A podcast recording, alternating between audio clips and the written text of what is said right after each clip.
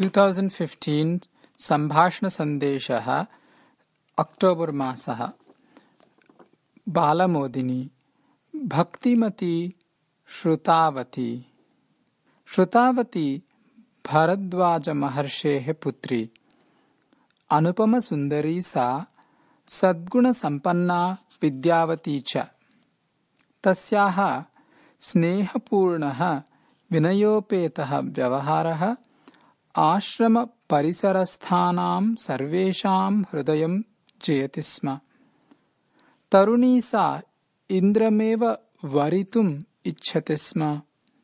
अतः सर्वदा इन्द्रमेव पूजयति स्म सा। अथ एकदा कश्चन महर्षिः तम् आश्रमम् आगतः। मम नाम वसिष्ठः इति अवदत् सः। श्रुतावती श्रद्धया तस्य सेवां कृतवती। एतस्मात् सः महर्षिः नितरां सन्तुष्टः।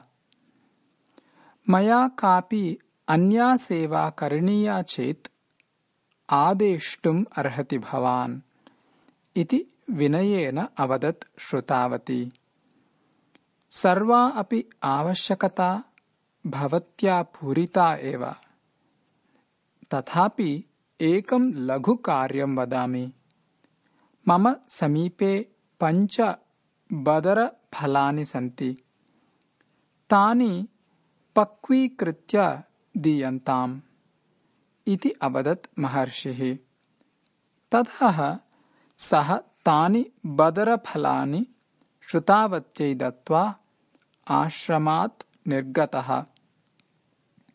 श्रुतावती तानि पात्रे स्थापयित्वा चुल्लेः उपरि पात्रं निधाय अग्निम् उद्दीपितवती। दीर्घकालः अतीतः। तथापि तानि फलानि न पक्वानि एव।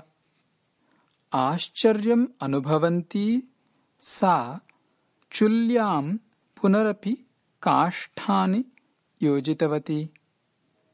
अग्निः समुज्ज्वलः जातः।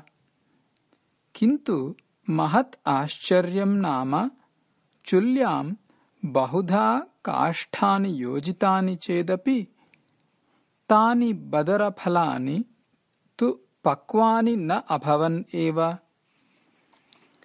महर्षिः मम परीक्षार्थमेव एतादृशानि फलानि दत्तवान् इति अवगतवती श्रुतावती। आश्रमस्थानि सर्वाणि काष्ठानि समाप्तानि चेदपि बदरफलानि न पक्वानि।